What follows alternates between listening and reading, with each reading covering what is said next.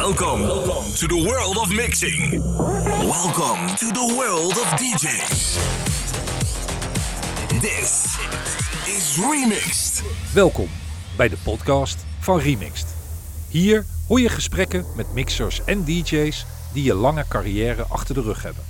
Mensen met een uitgebreide geschiedenis, vol met verhalen. Een van die mannen is zeker Arjan Rietvink.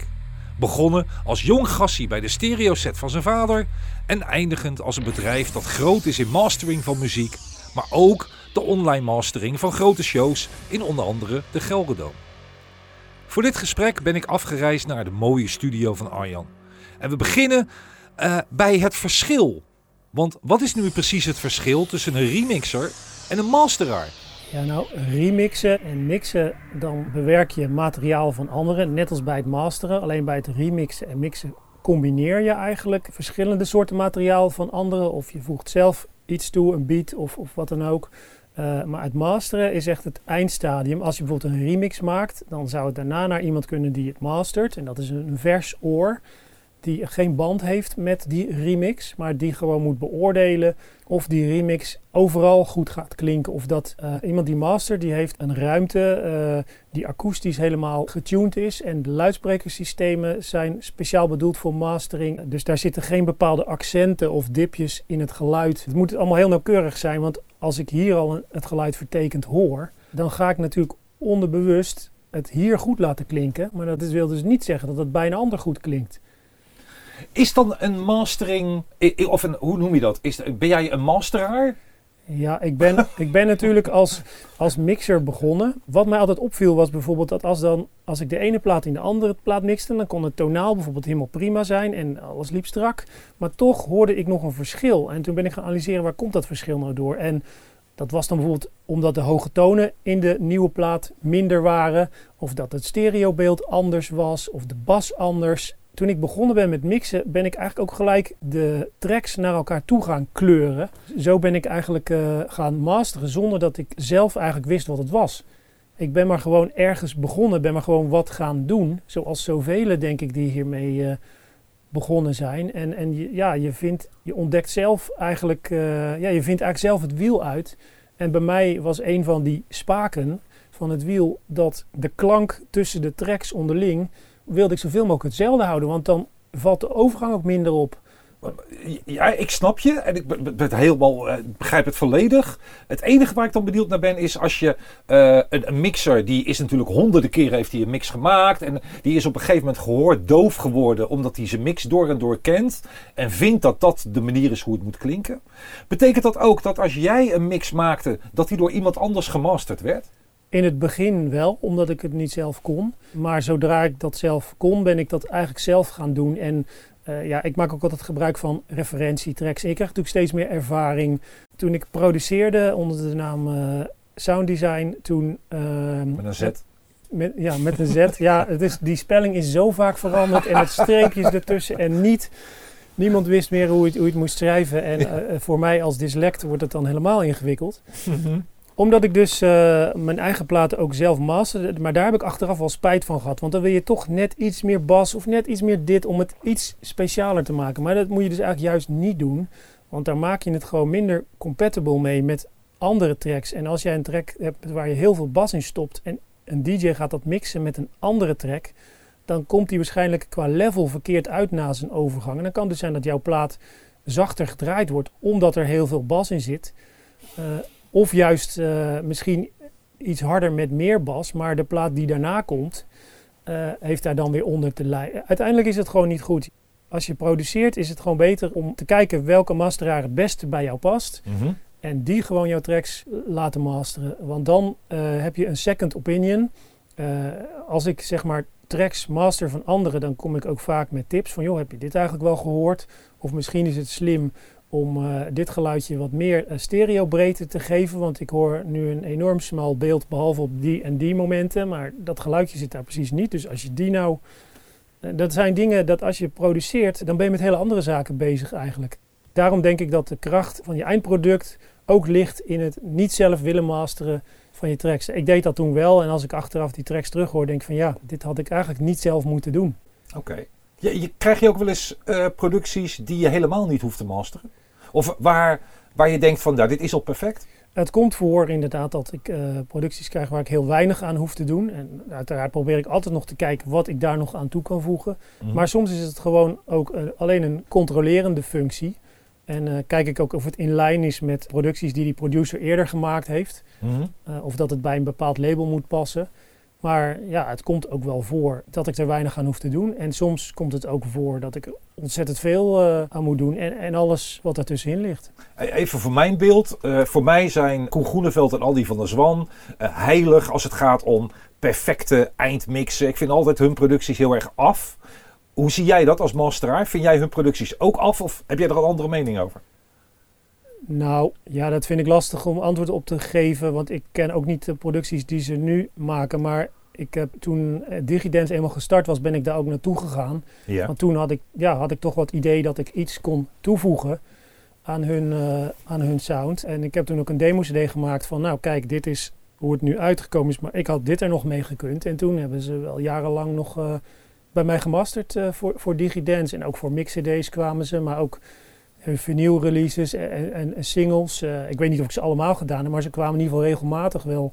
Oh, jij bent zelf naar hun toegestapt. Heb gezegd, hier heb je een demo-cd van dit kan ik je bieden. En kijk maar of je dat een verbetering vindt ten opzichte van het originele product. Ja, ja, precies. Wauw! Dus, uh, dus toen kwam ik daar in uh, Maasluis volgens mij. Volgens mij hadden ze toen ergens in een woonwijk een hoekhuis of zo waar ze hun bedrijf in hadden. En later zijn ze denk ik naar een industrieterrein gegaan. Maar ik kwam daar dus en uh, ja, de, kijk, ik kende hun producties vooral ook vanwege de mix-cd's die ik dan weer maakte voor, uh, wat zal het in die tijd geweest zijn, uh, Loop of zo denk ik, Beats Included. Ja. En ja, dan ging ik dus die platen mixen en dus ook masteren. En dan viel het me op van, hé, hey, hier valt nog wel wat winst te behalen. Misschien moet ik ze ook eens bellen. En dat wil niet zeggen dat hun dingen slecht waren of zo. Het was zeker niet slecht. Ik heb zelfs jarenlang ook uh, een van die tracks van hun die ik zelf niet gemasterd had als referentie uh, nog uh, gehad. Die ik wel eens naast andere producten hield. Dus, Welke? Oeh. volgens mij was dat Lift Me Up van DJ Jan.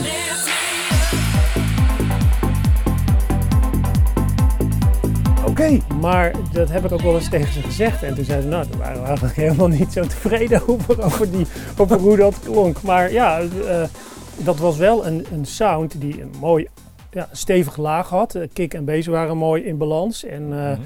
de strings uh, die erin zitten zijn heel mooi ruimtelijk. Ja. Maar wij bewaakten dan altijd dat alle producten die kwaliteit bleven houden. Want ja, zij waren natuurlijk ook DJ's en uh, ze gingen natuurlijk de hele wereld over met hun, met hun clubheads. Dus ze hadden misschien ook niet altijd evenveel tijd om de aandacht, ja, als de productie dan af was, ja, dan was die af en dan, ja, als je dan daarna weer in, in het vliegtuig naar Sint-Petersburg moet of zo. dan uh, heb je daar geen tijd voor. Dan heb je daar misschien ook wel geen tijd voor. Dus dat was het denk ik ook een beetje dat ze uh, ja, gewoon uh, ja, probeerden tijd te zoeken. En ja, wat, welke dingen kun je uitbesteden, welke dingen maak je uniek. Nou, het produceren maakt je uniek, denk ik. Dus dat besteed je uit. En het masteren, ja, dat, als je het zelf los kan laten, kan je het aan iemand anders overdragen. Dus, het, heeft altijd, het is dus altijd een toegevoegde waarde. Ja, ik, ik vind van wel, ja. ja.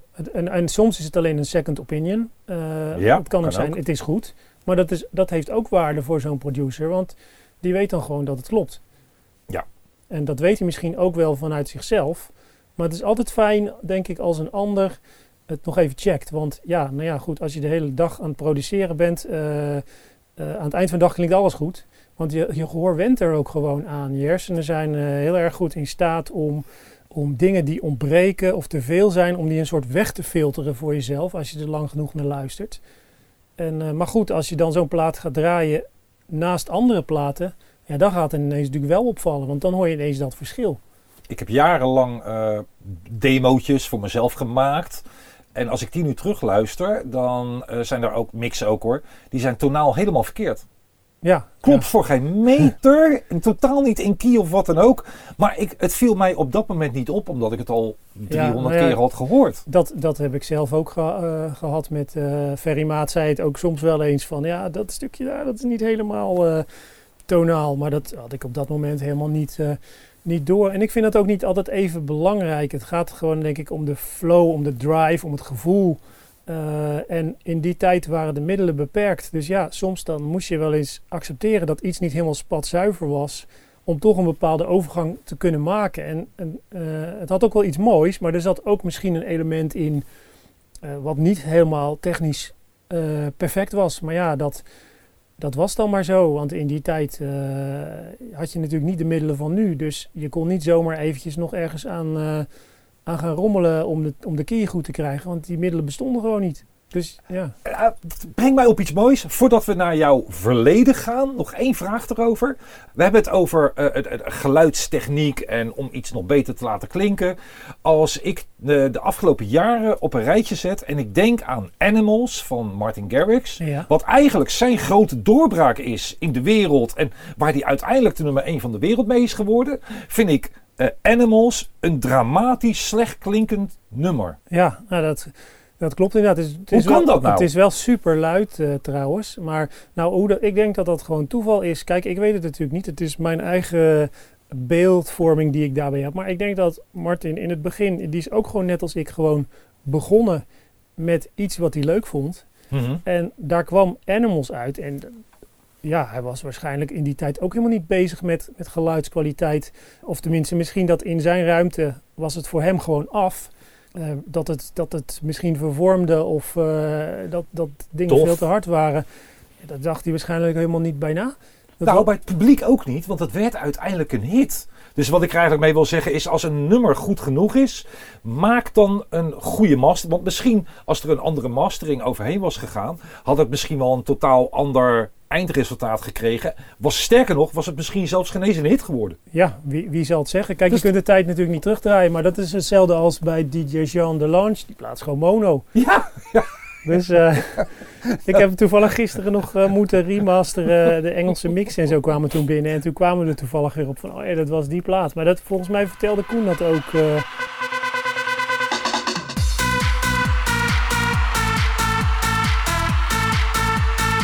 ja. Dat hij, eh, ja, maar ja. Dus dat gaf ook eigenlijk precies aan waarom, de, waarom het goed is eh, om eh, een second opinion te hebben. Want die plaat heb ik niet gemasterd, maar als dat zeg maar, dat was nog net voor, voor mijn tijd zeg maar, maar als dat bij mij terecht was gekomen, dan had ik er natuurlijk gewoon aan de bel gehangen van, joh, gave plaat, maar weet je wat het die mono is? Ja. Dus, eh, hoe- en dan, ja, dus dat, dat- dus dat is dus, ja, denk ik een, een goede reden om te zeggen van, ja, die mastering, die second opinion is eigenlijk heel belangrijk. Kijk, die plaat is niet minder een hit om geworden, maar waarschijnlijk had hij dan, als, als het nog gekund had, eh, de mix even aangepast, zodat er wel enige stereo eh, in zat. En dan had het waarschijnlijk nog net zo'n grote hit eh, geworden. Ja, dat is, ja, de, ik denk niet dat het altijd, dat de klank niet altijd belangrijk is voor of iets een hit wordt. Maar ik denk wel dat het omgekeerd zo is. Zeker in deze tijd. Als je nu met iets komt wat niet goed klinkt. Ja, dan laten eh, ENR mensen het gewoon liggen. Want er liggen nog honderden demo's op de plank. En daar zitten er ook een paar tussen die klinken wel goed. ja. En dat is dan degene waar, waarvoor ze gaan. Ja. De techniek ma- maakt het, zorgt ervoor dat we nu in staat zijn om perfect klinkende nummers te maken. Ja, dat klopt. En je Dat merkt gaat. ook wel een heel verschil met, met vroeger, denk ik. eh, dat eh, geluidskwaliteit nu ook gewoon beter is gemiddeld genomen van alles wat uitkomt. Als je nu op Spotify eh, de top 40 plaatjes pakt en je mixt ze aan elkaar, dan heb je niet meer van die enorme klankverschillen eh, die je vroeger had. En dat komt natuurlijk deels door betere mastering, maar ook deels omdat de sounds gewoon veel beter zijn nu. Ja. Dus- Laten we naar heel veel jaren teruggaan, eh Arjan. we zitten trouwens eh, eh, in de studio van Arjan, waar ik een beeld heb op alle apparatuur die hij hier heeft. Straks gaan we daar wat nader op in, want dat is in een podcast wat lastiger te verwoorden. Arjan, ik heb jou, we hebben het erover gehad, over een, een duik in het verleden nemen. Dat heb jij zelf al gedaan. Je hebt al zelf het een en ander voor jezelf aan opgeschreven. wat ons weer helpt om compleet te zijn. Maar in eerste instantie twijfelde je erover of jij wel genoeg verhaal hebt. Ja, ja, dat is, klinkt misschien heel stom. Maar ja, als je iets wat je natuurlijk zelf meemaakt, is natuurlijk altijd minder bijzonder, denk ik, dan, dan wanneer een ander dat hoort. En eh, ja, waar ik een beetje eh, bang voor was, dat ik dan achteraf misschien juist de leuke dingen vergeten zou zijn. Want ik kwam er dus achter dat hoe meer ik erover na ging denken, dat ik met allerlei verhalen ineens weer in mijn hoofd had van, oh ja, dat was toen ook gebeurd. En op het moment dat je in zo'n interview zit en, en, het wordt, uh, ja, en er worden je vragen gesteld, dan denk je achteraf misschien soms van, goh, dat had ik eigenlijk moeten vertellen. Want dat is eigenlijk veel leuker geweest voor de mensen om, om te horen. Uh, dus, dus ja, en, maar ik vond ook gewoon voor mezelf, kijk, het bedrijf bestaat nu 25 jaar. Ja, dus ik zit gefeliciteerd. Al, ja, dankjewel. Ik zit al meer dan 25 jaar in het vak. En um, soms is het ook gewoon leuk om even terug te kijken van, oké, okay, hoe uh, ben ik hier nou eigenlijk gekomen? Want ja, dan ga je dat voor jezelf opschrijven en dan zie je eigenlijk, ja, ik vergelijk het altijd maar met de film The Butterfly Effect. Als je een, uh, dat is een film, dat gaat over een jongen die gaat steeds terug in de tijd om iets te herstellen wat misgegaan was uh, in het verleden. Maar doordat hij iets herstelt, gaat er ook weer iets mis en komt er een hele andere uitkomst van de toekomst uit. dus ja, ik, dus dan ga je zo terugkijken en dan, ja, dan vraag je je af van, goh, als ik die persoon nou nooit ontmoet had, had ik dan wel hier gezeten? Dat, dat vind ik best wel interessant. En gewoon sowieso om te kijken van, oké, wat heb ik nu eigenlijk allemaal gedaan die afgelopen tijd? Want het is voor mij echt als een, als een sneltrein voorbij gegaan. Ja. Gewoon ook omdat we altijd maar druk zijn met, met, met nieuwe dingen. En ja, dan, je hebt eigenlijk helemaal geen tijd om stil te staan bij... Uh, wat er in het verleden gebeurd is. En het gaat ook om het nu en om de toekomst. Maar ja, het verleden is toch wie je maakt tot, tot wat je bent. Dus ja, ik vond het toch leuk om, uh, om daar eens uh, op terug te kijken. Ja, en dat begint eigenlijk al met als je heel jong bent met je vader, die dan apparatuur aanschaft waar jij mega geïnteresseerd in bent. Maar toen was je al heel jong. Ja, dat, dat, dat, dat klopt inderdaad. Mijn, mijn, vader die zei altijd van uh, toen hij zelf jong was, hij mocht nooit één uh, speakertje op zijn kamer ophangen met een pick-upje, want dat mocht echt niet van zijn moeder. Dus, dus toen hij dus ja, op zichzelf ging wonen, toen was het eerste wat hij dacht van zo, en nu ga ik die dikke stereo kopen die ik altijd al ja. heb willen hebben. En nou, in de begintijd was dat een of ander dual setje en later heeft hij dus een hele dikke Akai set gekocht. Maar toen ik dus een jaar of één was, vertelde mijn moeder toen uh, stond ik in de box en toen stond ik al te wijzen naar toen nog die dual uh, radio uh, pick-up combinatie, zeg maar. Die moest aan. Want die moest gewoon aan. Ik wilde altijd geluid om me heen. Ik wilde altijd muziek horen. En dat deed ik kennelijk al vanaf het moment dat ik kon wijzen naar een geluidsapparaat, zeg maar. Toen al? Ja. Kun je nagaan. De, de, er is ook een foto, die uh, komt er ook bij te staan. Met ook een bandrecorder had hij ook al aangeschaft. Klopt, ja. ja. Dat is ongelooflijk. Hij speelde in een uh, muziekvereniging en die had ieder jaar een uitvoering en hij wilde dat kunnen opnemen. Mm -hmm. Dus hij had toen een Akai bandrecorder gekocht, twee microfoons erbij, statieven en alles. Want dan kon hij dus die uitvoering opnemen, kon hij dat later terugluisteren. En uh, hij nam er ook van alles en nog wat aan andere dingen mee op.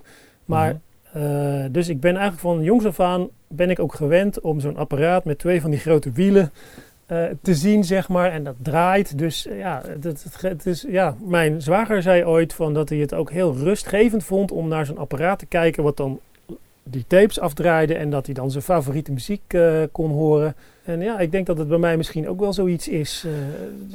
ah, daar zeg je wat. Als ik, ik kon vroeger naar een, plaat kijken die ik dan draaide. En dan keek ik ook gewoon naar het label. Ik keek naar de naald. En dat gaf een soort van. Het is een soort rustgevend. Ja, en, en het is ook gewoon. Ja, ik vind het gewoon ook mooi om apparatuur bezig te zien. Om het geluid als het ware op te wekken. En tegenwoordig heb je natuurlijk uh, Spotify, MP3's, noem het allemaal maar op. Ook allemaal niks mis mee. gebruik ik ook allemaal. Maar um, ja, het is wel iets anders. Het is wel iets anders. Het is veel kouder op de een of andere manier. Je hebt er geen. Vroeger. Uh, uh, ja, nam ik ook veel muziek van de radio uh, op. En ik weet nog precies hoe die bandjes eruit zagen. Ik versierde ze ook altijd. Dan knipte ik het woord top 40 uit of zo van een top 40 blaadje. Plakte ik, plakte ik erop. En, op de cassette? Op de op cassette de, inderdaad. Ja? En mijn, ja, hoe heet het? ik schreef daar dan ook op wat erop stond. En als ik sommige muziek nu terughoor, dan zie ik nog steeds dat bandje voor me. En ja, uh, je weet het nog. Ja, ja precies. Dus, dus het heeft. Uh, ik vind het leuk als er een fysiek product aan het aan het geluid eh, gekoppeld is. En ja, je hebt dat natuurlijk ook met platen en cd's. Je hebt een mooie binnenhoest, er staat wat informatie in. Met de mp3 heb je dat natuurlijk allemaal niet. Het is allemaal veel vluchtiger geworden daardoor. Want muziek, vroeger stond, kon iets een half jaar in de top 40 staan. Soms zelfs negen maanden. Maar dat is, is tegenwoordig eh, is dat een, eh, is dat een unicum. Want de platen zijn, gaan erin en zijn er ook zo weer uit. En mensen zijn het ook zo weer vergeten. Ja. En eh, dus de manier, denk ik, ook waarop je herinneringen koppelt aan muziek, is denk ik ook heel erg veranderd daardoor. De, de band met muziek is anders. Maar, maar vroeger had je natuurlijk ook niks anders, hè? Je had geen tv. Je- ja, nee, je had wel een tv, maar Ja. die, die deed het pas vanaf 7 uur s'avonds. Ja. Daarvoor was er gewoon niks. Eh, dus, dus wat je had was, was radio. eh, en daar hoorde je de nieuwste muziek. En eh, dat nam je dan op of je ging het singeltje kopen. Wat nam jij op? Eh, ja, ik nam vooral eh, top 40 op, maar ook nationale hitparade, want daar rijden ze de platen helemaal. Ja, En- daar wel. ja, dus dat vond ik eigenlijk beter, maar eh, die hadden niet alle hits, dus top 40 luister je dan ook. En Tros top 50 heb ik geluisterd. Nu hebben we het over de periode. Welke jaren? Eind jaren 70? Eh, nou ja, eind jaren 70 eh, tot, tot midden, eind jaren 80 heb ik dat denk ik gedaan. Ehm, dus, dus ja, ik luisterde van alles en nog wat. En ik vond ook het radio's altijd zeer interessant, want er zit natuurlijk zo'n knop op en dan kun je naar zenders gaan zoeken. En eh, omdat je toen de tijd natuurlijk eigenlijk maar drie zenders had of zo, eh, wat voor mij kennelijk niet genoeg was, ging ik verder zoeken. En hoorde ik ook piratenzenders die bijvoorbeeld hele goede import- of Italo-muziek eh, draaiden Waar woonde je toen? in Sassenheim. In Sassheim. Oké, en daar had je, had je daar wel piraten in de buurt, goeie? Ja, ja de, eh, de piraat die ik vaak eh, opzocht, dat was eh, Freewave. Die zaten in Leiden en die zijn geloof ik wel 90 keer eh, uit de lucht gehaald. eh. Dag in dag uit. Best danceable music. maar die kwamen iedere keer weer terug en eh, die, hadden die, die hadden die goede muziek die je dus niet op, eh, ja, op Radio 3 en zo eh, hoorde. Of in ieder geval mondjesmaat. Misschien soms hoorde je er wat dingetjes van, maar... Ja, Freewave ging daar veel dieper op in eh, natuurlijk, eh, zeker in de weekenden. Dus dat was voor mij natuurlijk een paradijs, want het was de enige manier om eh, met nieuwe muziek in, contact te komen. Zaten ze ook in de import en de, de echte de, de, de, de underground disco voor dat moment? Ja, precies. Ik herinner me nog platen, bijvoorbeeld Paul Sharada, eh, Keep Your Love Alive, Scala, Machina Nera. Nou, die plaat kent waarschijnlijk bijna niemand. Italo Frieks wel. Ja, Italo Freaks wel. En hoe heet het? Eh, Nuance, Love Rider. Die hoorde je ook wel in BVD-mixen trouwens. Dacht ik gisteren nog aan. Dus eh, Toevalligerwijs aan dat nummer. ja, nou, dat is een Geweldige plaat. Een hele goede plaat inderdaad. Er zit ook veel emotie in op de een of de andere manier. Dat vind ik ook altijd wel belangrijk, dat er op de een of andere manier emotie in muziek eh, zit. Zelfs in hardstyle, eh, waar ik vaak eh, mee te maken heb de laatste jaren, daar kun je dat ook in terug horen. En zolang er zo'n element in zit, vind ik het eigenlijk altijd wel, ja, luister ik graag naar muziek die die, die die kwaliteit heeft. Als het alleen maar een kale beat is met verder, verder weinig melodie of iets wat je raakt, dan, dan haak ik meestal af. Herkenbaar. Eh Free Rave, dat zat in, eh, in Leiden. Zaten daar nog bekende namen bij? Of was dat... Ja, volgens mij heeft Michael Pilacic daar ook nog eh, gedraaid. En eh, Mart van der Stad of zo, die naam zag ik. eh, NCRV. En, Ja. de, wat zat, en de Beat Goes On naar Mart van der Stad? Nee, of Disco Express? hij deed volgens mij altijd de Danceable 50 of zo. Dat was dan zo'n lijst met de 50 beste importplaten uit die regio. Ja. En dat deden ze dan geloof ik in samenwerking met de platenzaak Zwaak of zo. Die bestaan toch niet meer, dus reclame kun je het niet meer noemen. Maakt ook niet uit. We kunnen ze noemen. Ja, precies. Dus, ehm, hoe heet het? Eh, dus ja, die hadden dan zo'n lijst. En daar, zat, ja, daar zaten allemaal van dat soort platen in. En eh, dat heeft mijn interesse in eh, ja, dansmuziek, dancemuziek, ja, hoe noem je het? Soul, R&B. alleen maar meer aangewakkerd. Ja, maar je kon nog geen plaat. Je had, had je ook al een platenzaak gevonden waar je platen kon kopen? Eh, nou ja, we hadden in het dorp dan een paar van die platenzaken. En eh, het was altijd een beetje een traditie dat ik met mijn eh, goede jeugdvriend Sander Groeneveld... ging ik altijd ehm, ja, op woensdagmiddag ging ik naar de platenzaak. Want dan lag daar de nieuwe top 40 eh, lijst. Ja. Dus die moesten we natuurlijk hebben, want vrijdags werd die uitgezonden. Nou ja, dat hielden we dan ook altijd een beetje bij de platen die we leuk vonden. En soms kochten we ook eh, de singeltjes. Maar ja, in die tijd waren we misschien eh 7, 8, 9 jaar, weet ik veel.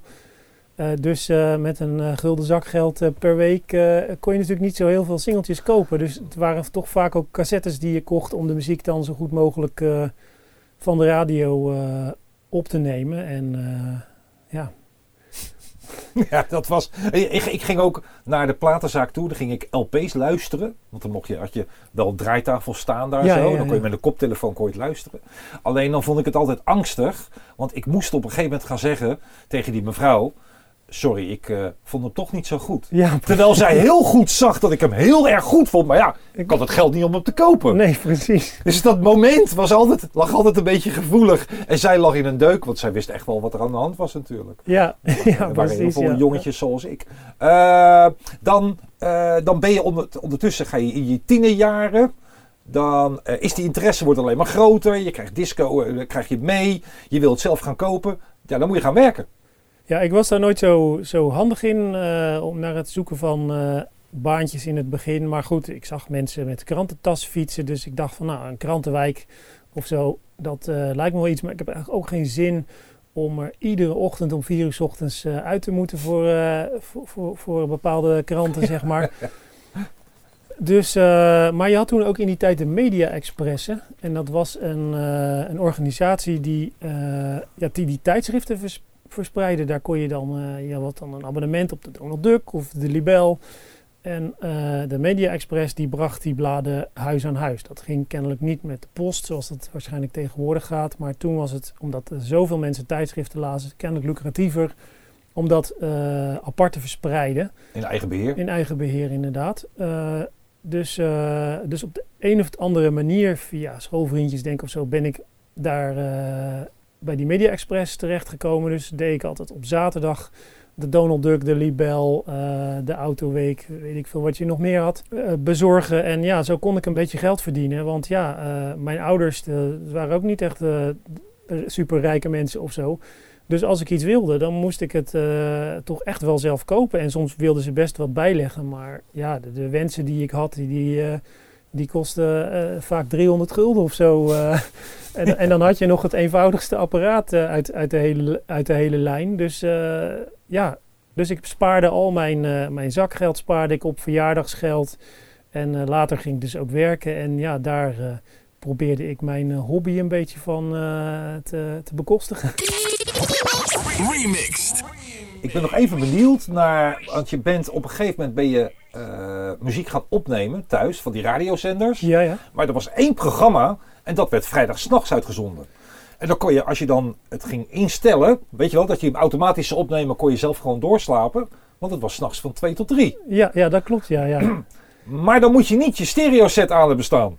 Nee, nee, precies. Er zit eigenlijk een heel verhaal aan vast. Eh, hoe heet het? Eh, in het programma In de Mix van eh, Ben Liebrand werden ook juist die importplaten eh, gedraaid. En op- ik zat toen op een drumband.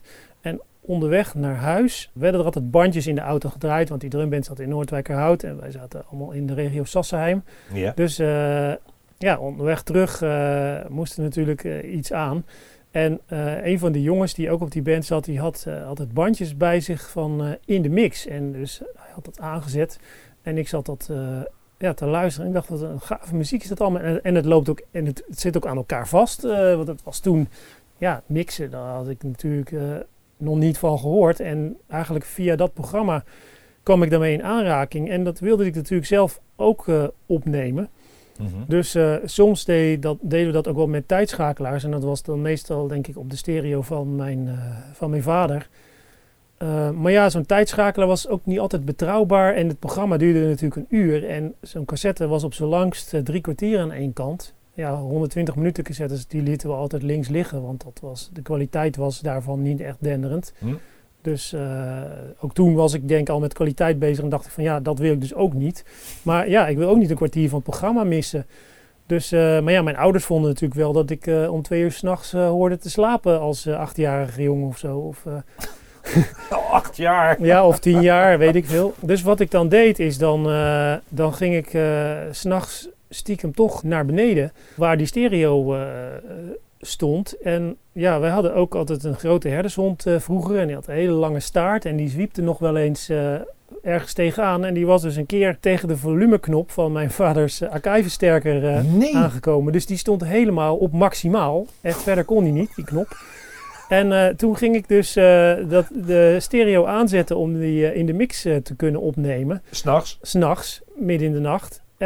En toen kreeg je daar dus in één keer... Nou, je weet dat als je een versterker aanzet, dat duurt altijd drie seconden. En toen na die drie seconden was het echt twee keer 150 watt of zo door, door het hele huis heen. Bang! Ja, want dat ding stond op zijn hardst. Dus mijn ouders zaten rechtop in bed. En, eh, en ja, ik was natuurlijk eh, door de mand gevallen. Schrokken zich helemaal lam. Ja, eh, maar ik ook natuurlijk. Want ja, Ja. ik wist natuurlijk donders goed dat dat niet mocht. Maar ja, ik wilde zo graag die muziek kunnen opnemen dat ik dat eh, ja, toch wel gewoon deed. Hebben ze je het eh, je vergeven? Ja, volgens mij wel. Er was gelukkig ook niks stuk eh, gegaan. Dus Niks opgeblazen. niks opgeblazen. dat scheelde ook wel, denk Geluk. Gelukkig. Want mijn vader had daar natuurlijk ook wel zijn spaargeld in zitten in die, in die stereo. Dus daar was hij natuurlijk ook wel heel voorzichtig mee. Maar goed, Ja. ik was ook altijd wel voorzichtig daarmee. Maar ja, dit was gewoon iets. Ja, Prachtig. ik had gewoon even moeten kijken waar die knop stond misschien. Dat heb ik waarschijnlijk daarna altijd gecontroleerd. Maar, Zeker eh, weten, want dan moet je altijd nog denken aan je vader. Of aan je ouders. die waren Geweldig. niet zo blij inderdaad. eh.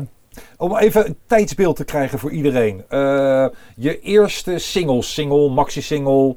in welke periode was dat? ik denk dat dat, ja, een gokje 1983 of zo, 1982. Zo, daar, ergens Mhm. daar in die buurt. Volgens mij was mijn eerste single eh, was, eh, Nova van- met Aurora.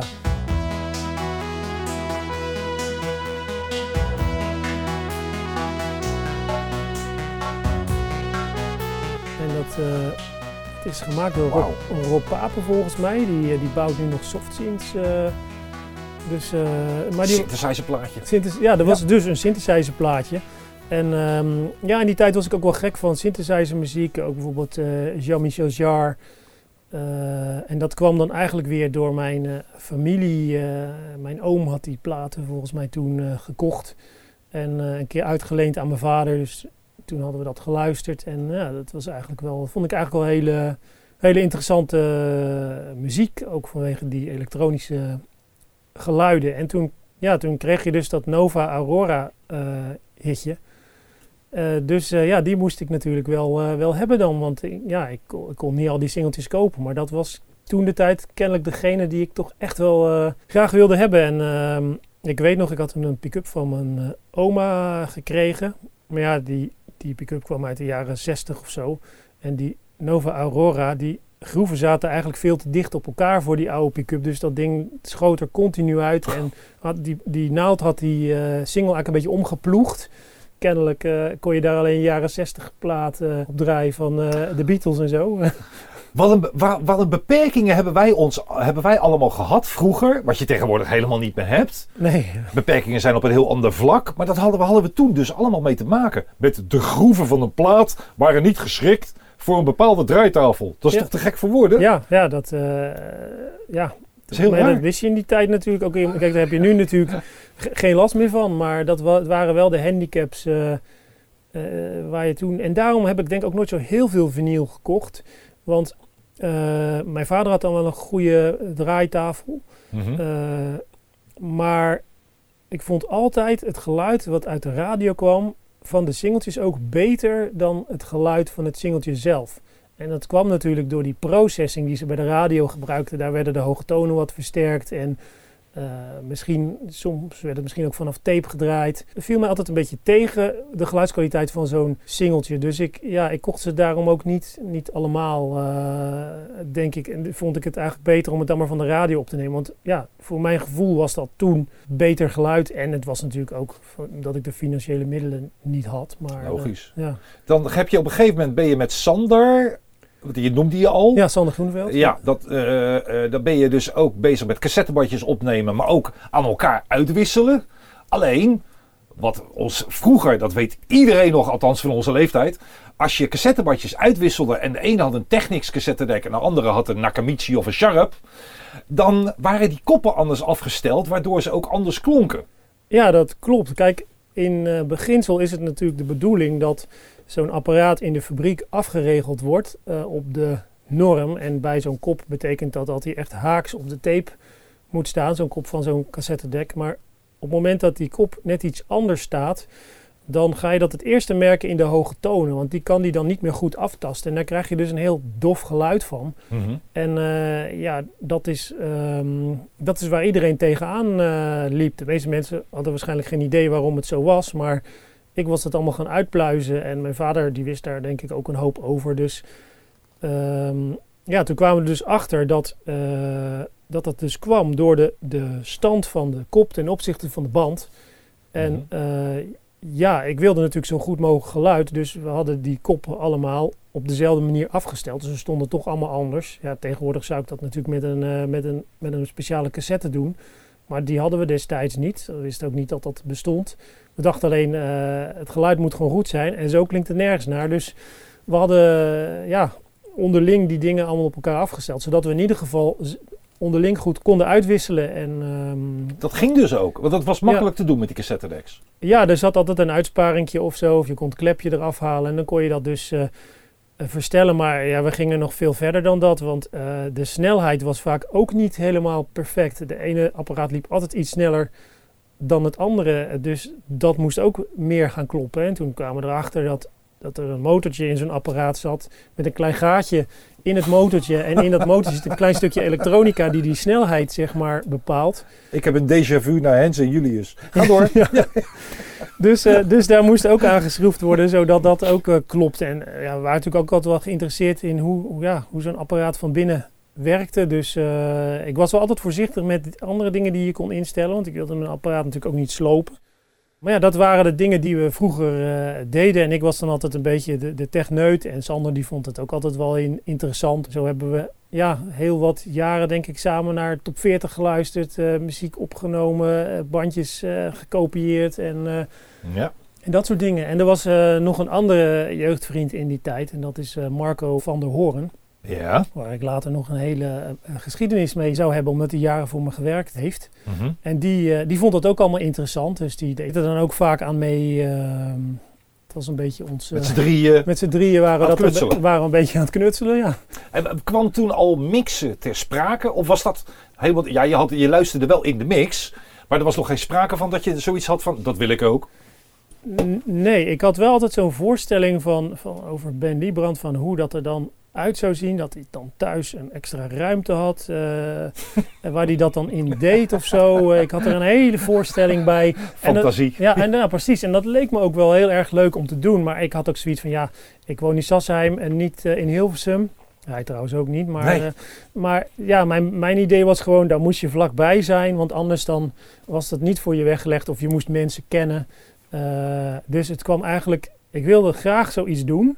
Maar het kwam eigenlijk nooit in me op dat het ook echt mogelijk zou zijn eh, voor mij. Ik had het eigenlijk altijd een beetje eh, geparkeerd als zijnde, eh, dat, is niet, dat is niet voor mij. Dat, dat wil ik wel, maar ik, ik heb die connecties niet of ik, heb, ik woon te ver weg. Of, Mhm.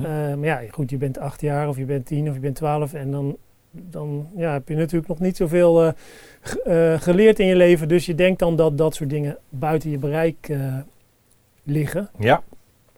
Dus, eh, dus ja, ik heb in die tijd nooit gedacht dat het mijn eh, beroep... Ik wilde volgens mij altijd astronaut worden of zo. Ik was ook lid van een tijdschrift Kijk. En eh, ik vond het ook altijd heel erg interessant. Ik denk dat ik toen meer dacht dat ik zoiets ging worden. Later dacht ik van, nou, dat wordt hem ook niet.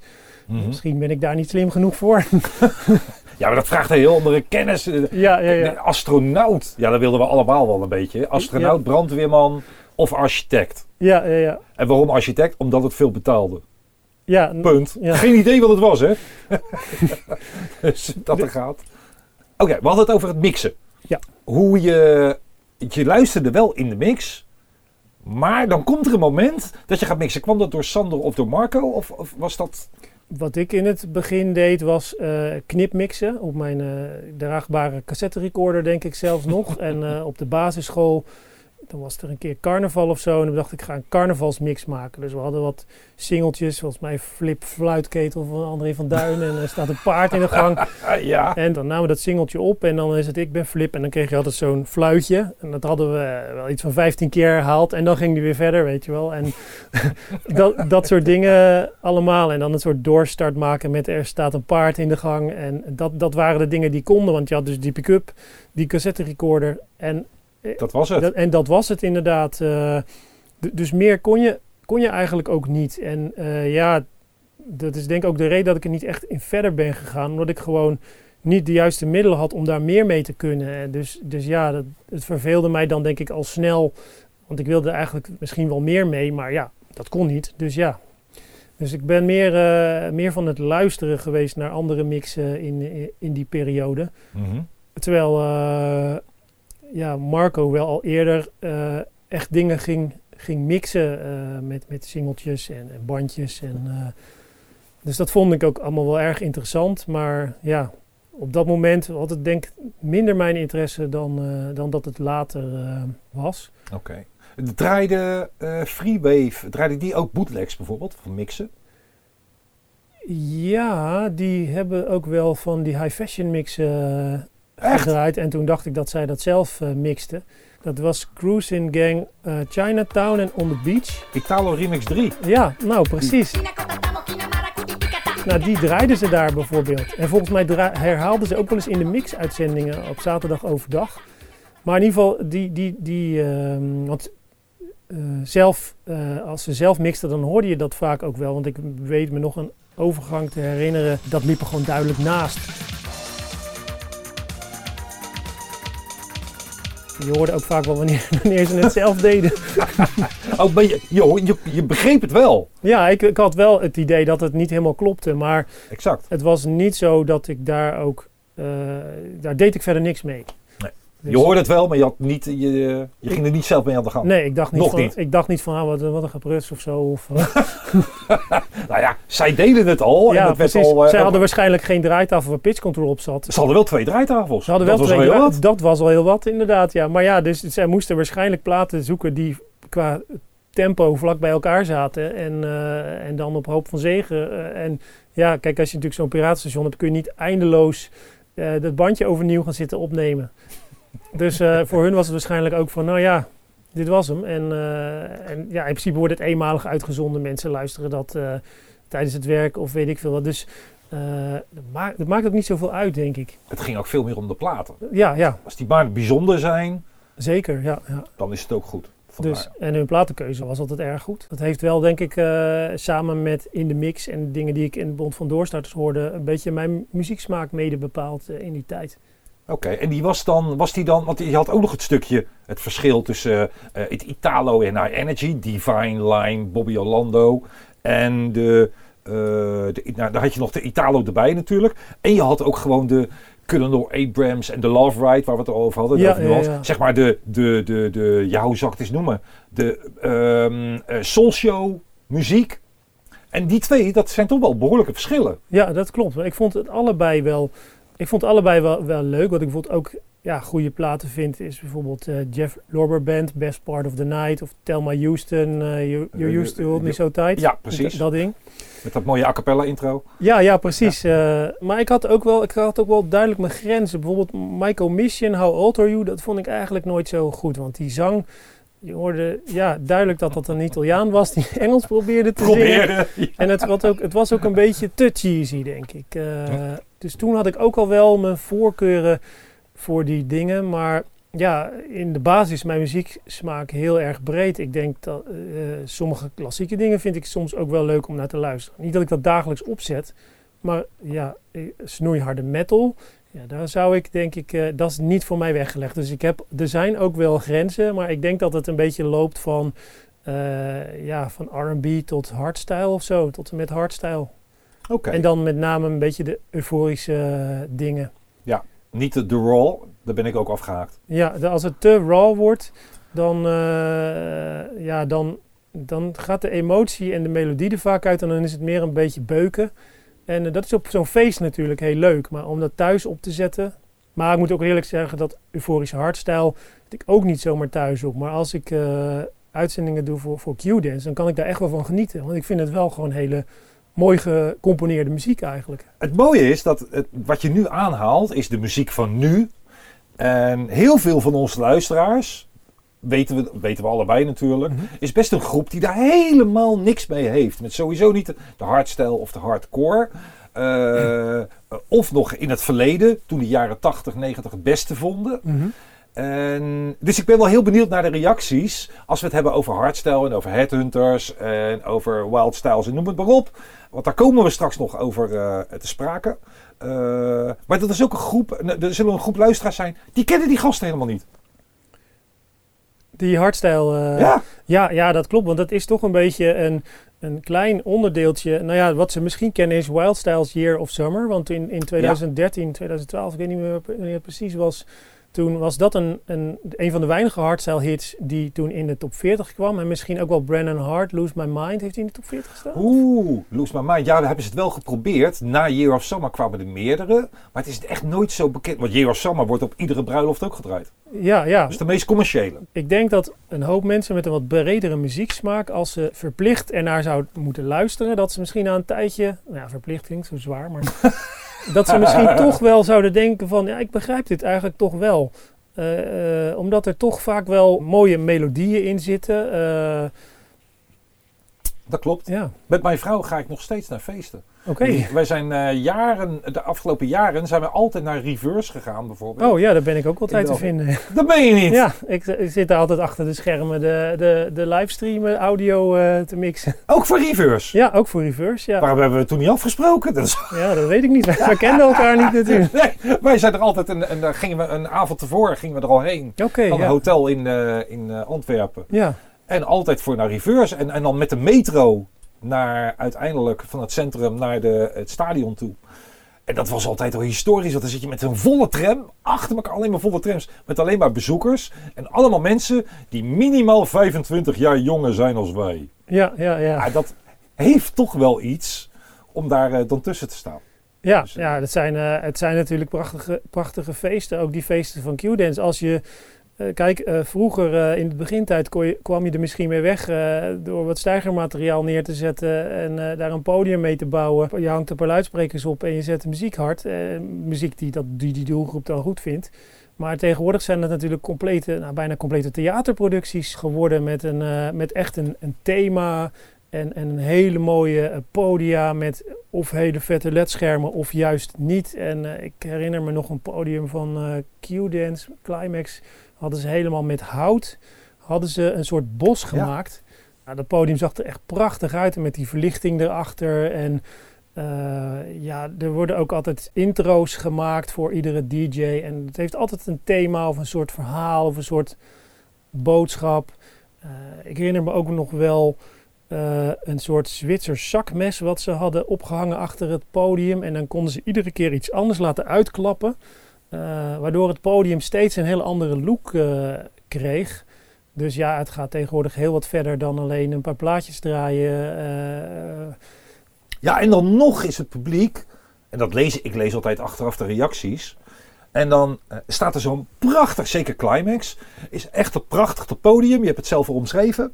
En dan staat er de volgende dag, staat er in zo'n forum. Ja, ik ben er geweest, ik vond het wel leuk. En eh, ik vond de show een beetje minder hoor. Is een paar jaar geleden was die veel beter. ja, En dan denk ik, man, heb je wel überhaupt wel opgelet? Dat gaat voor miljoenen gaat er in zo'n show zitten. zeker. Ja. Maar ook ikzelf ben na een tijdje wel weer uitgekeken naar zo'n show. In het begin, als je binnenkomt in zo'n stadion, is het genieten. Dat is de eerste uur ook nog wel, de eerste twee uur ook nog wel. En daarna, dan zit er een soort van gewenning in. Snap je wat ik bedoel? Ja, ja, dat klopt. Ja, mensen zijn natuurlijk heel erg eh, verwend. Precies. En, eh, maar ja, de, daarom denk ik dat zo'n Q-dance bijvoorbeeld ook probeert om tijdens de avond het podium steeds een beetje anders te maken. Waardoor je toch weer iets anders te zien krijgt. Maar het is, zijn natuurlijk de wissels van de DJ's. In het begin is het natuurlijk meestal een beetje classics. En dan, eh, ja, dan krijg je een beetje de euforische dingen. En dan daarna wordt het wat meer het raw. Met als afsluiter eh, meestal iets van hardcore. Of, Ja, eh, daar ben ik al thuis hoor. Dus ja, ja, goed, kijk, het is een nachtvullend programma. Dus ja, Dat is geweldig. Ja. En wat ik helemaal mooi vind, is dat niet alleen maar de show op het podium plaatsvindt. Maar eh, zeker Climax heeft ook, en dat heeft Reverse ook, eh, de lichtopstellingen verderop in de zaal. Dat zijn allemaal bewegende. Dus dat kan, ja, kan alle kanten op, kan alle kanten op draaien. En dat doet het ook. Met allemaal verschillende effecten die daar dan weer uitkomen. En dat geeft een totaalbeeld aan de hele zaal. Ik heb altijd een heel mooi uitzicht over die hele zaal. Omdat ik natuurlijk dan in mijn, in mijn audiowagen zit. En ik krijg dan een feed van degene die het beeld doet. En vaak ook nog wel een eh, multiview, zodat ik alle camera's apart kan zien. Dus ik, eh, ja, je, je kunt dan echt heel mooi het grote plaatje zien. En als je daar natuurlijk in de zaal staat, dan, ja, dan heb je natuurlijk ook een superbeleving. Maar dan, ja, dan zie je dat natuurlijk vanuit een ander eh, eh, standpunt. Maar ik heb ook gemerkt dat de livestreams eh, steeds belangrijker worden. vooral bij een, een, een, een Defcon bijvoorbeeld. Waar gewoon echt 4 miljoen mensen wereldwijd al naar hebben gekeken. Maar die livestream is echt hun visitekaartje naar buiten toe. Dus er zijn eigenlijk nog bijna nog meer mensen die het online zien. Ja. Omdat die er gewoon te ver vandaan wonen of de kaartjes waren op. Of ja, goed. Er is natuurlijk een limiet aan wat je uiteindelijk op zo'n festivalterrein kan, eh, kan binnenlaten. Dus eh, livestreams worden daardoor dus veel belangrijker. Omdat het bereik natuurlijk enorm vergroot. En dat is natuurlijk weer goede promotie, denk ik, voor zo'n eventorganisatie.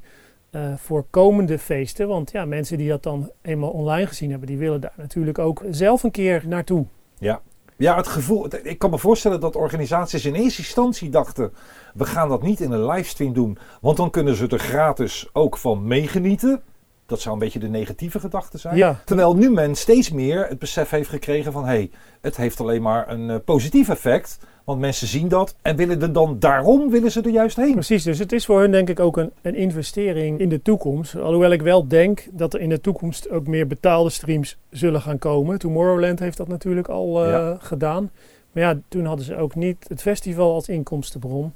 Dus ze moesten ook wel, eh, je kunt niet peperdure animaties, opnames en alles wat, wat er maar bij komt kijken uit eigen zak betalen en dan, dan gewoon weggeven. Dat Ja. gaat ook eigenlijk gewoon niet. Nee. Dus als mensen dit soort content online willen beleven, zullen er uiteindelijk toch iets aan moeten bijdragen. Omdat het op enig moment, eh, zeker nu tijdens de corona, anders gewoon niet vol te houden is. Want het zijn natuurlijk ook gewoon bedrijven. En die bedrijven zijn natuurlijk vaak door enthousiastelingen begonnen, die, waarbij het hun niet om de winst gaat. Maar goed, misschien hebben ze inmiddels ook aandeelhouders en eh, ligt dat nu toch iets anders. Maar ehm, ze zijn natuurlijk allemaal begonnen uit, uit liefde voor het, voor het vak. Dus het gaat ze er vooral om om de mensen gewoon een hele mooie beleving te geven. En eh, ja, om dat ook gewoon buiten eh, eh, zo'n festivalterrein zichtbaar te maken. Ja, je bedoelt ook, je gaf net al aan de animaties van Tomorrowland. Wat ze vorig jaar gedaan hebben, is dat ze in een, een- met een greenscreen achtergrond een DJ hebben staan laten draaien. Voor niks eigenlijk, want ja, die stond daar totaal met niks. En die hebben hem toen geplakt in een hele multi. Eh, animerende omgeving, waarop, waardoor het leek alsof die DJ volledig tussen het publiek stond. Ja, ja dat klopt. Wat is Niet normaal. Wat er tegenwoordig allemaal mogelijk is. eh, wij bieden dan weer in zo'n project ondersteuning in het geluid aan. Door ook hoorbaar te maken dat het een grote omgeving is waar zo'n DJ staat. En Kan dat? Ja, dat, dat is wel wat we gedaan hebben. Eh, je bootst dan het geluid van zo'n ruimte na. En je zorgt ook dat je mensen hoort op de achtergrond. En dat mensen op de juiste momenten ook enthousiast zijn. Dus, dus dat je gejuich hoort of dat mensen op de maat meeklappen. Eh, Maar dat is toch heel wat anders dan het geluid masteren? Dat, is, dat vergt weer een heel andere techniek die je nou Ja, wat je nu noemt. Ja, dan heb je het meer over een soort audio-post eh, productie. Ja, dat deden we eigenlijk toch ook al in het DVD-tijdperk. Maakte natuurlijk ook opnames van een climax en dat kwam... Sensation. Sensation. Ja, dan zoek je ook steeds de balans op van de muziek aan de ene kant en het publiek aan de andere kant. Dat je dus het enthousiasme van het publiek probeert over te dragen in het audio van de stream. Want als je natuurlijk die geluiden allemaal niet hebt, dan is het best wel, ja, dan hoor je wel die muziek. Maar dan heb je niet die emotie van het publiek. En juist die combinatie van die twee maakt het dat het ook gaaf is om naar te kijken. Je moet het een beetje vergelijken naar bijvoorbeeld sitcoms. Daar worden natuurlijk grappen in gemaakt op televisie. eh, en daar zit bijvoorbeeld ook gelach in gemonteerd. Ja. En, en vaak wordt het ook voor een live publiek opgenomen. Dus is het niet nep. Maar dat zal per sitcom verschillen hoe ze dat aanpakken. Maar het heeft een versterkend effect door na een grap m- gelach te horen. Eh, soms dan denk je wel eens van, nou, die vond ik eigenlijk helemaal niet grappig. Maar eh, Denk ik heel vaak, zeker bij die Amerikaanse. ja, ja, precies. Dus daar zijn ze gewoon doorgeslagen daarmee. Ja, en net als in een film, als iemand een klap krijgt, als ik jou een klap geef, dan hoor je echt niet eh, alsof er een autodeur dichtgegooid wordt of zo. Maar in, maar in zo'n film versterkt dat de beleving. En dat is ook wat ik probeer met die live-uitzendingen en dergelijke. Ehm, dat is allemaal live trouwens, daar wordt niks bij gespeeld. Maar dan probeer je gewoon het, de signalen die je opvangt uit het publiek in de stream te mixen. En het valt vaak niet mee, omdat zo'n PA staat gewoon 103 dB of zo te maken. En die mensen bij elkaar, ja, die kunnen daar maar nauwelijks bovenuit komen. Dus, eh, dus ja, Ah. dat is best een uitdaging om daar een goede mix in te maken. En daar heb ik hele complexe dingen voor bedacht. Om het toch zo te doen dat niet de muziek verzuipt in de galm van de zaal. Ja. Eh, maar dat je dus toch het enthousiasme van het publiek eh, wel hoort. Oké, maar daar, kom ik, daar gaan we zo nog even op terug. Want wij zijn qua chronologische volgorde compleet de Ja. draad We kwijtgeraakt. gaan overal dwars doorheen nu inderdaad. Toen we het over hardstyle gingen hebben en die Year of Summer en dergelijke. Dus ik kom dus even, even terug. Om weer even terug naar het verleden te gaan, wil ik daar wel bij aanhaken. Bij wat jij zegt Mhm. over publiek. Want eh, ik herinner me nog een plaat uit de jaren 80. Die ook met publiek leek zijn opgenomen. Maar als je een beetje geluidstechnicus bent, dan hoor je aan alle kanten dat het helemaal niet zo was. En dat het er later tussen is gemixt. Ik heb het nu over het goede doel en nooduitgang. Oké, ja, ja, ja. Daar wordt de indruk gewekt alsof het een live publiek is, of een live recording is. Maar nee hoor, alles, je hoort gewoon overduidelijk dat dat publiek dat is ertussen geplakt. Want dan, hij zingt dan van eh, waar is hier de nooduitgang? En dan hoor je het publiek ineens meezingen. De nooduitgang! Ja, ja, ja, precies. Ja, Maar ja. dat, is, dat komt zo net over.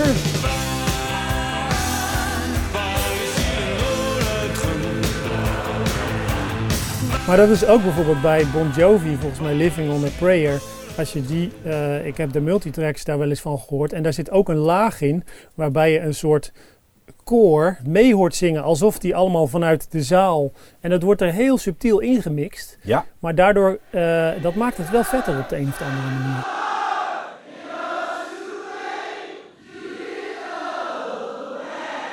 ja bij Bon Jovi wel. Bij, bij, bij Goede Doel vond ik het juist weer te. Ja, ja, ja. ja. Dus daardoor weer Nardan eigenlijk. Tot, Ja, tot ik ja. het overdreven vond. Je hebt geluisterd naar deel 1 van het gesprek met Arjan Rietvink. Ga snel door naar deel 2. Meer gesprekken vind je in de complete podcastserie van Remixed, die regelmatig wordt aangevuld met nieuwe gesprekken.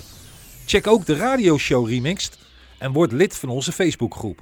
Zoek gewoon op RMXD Remixed. Tot de volgende keer.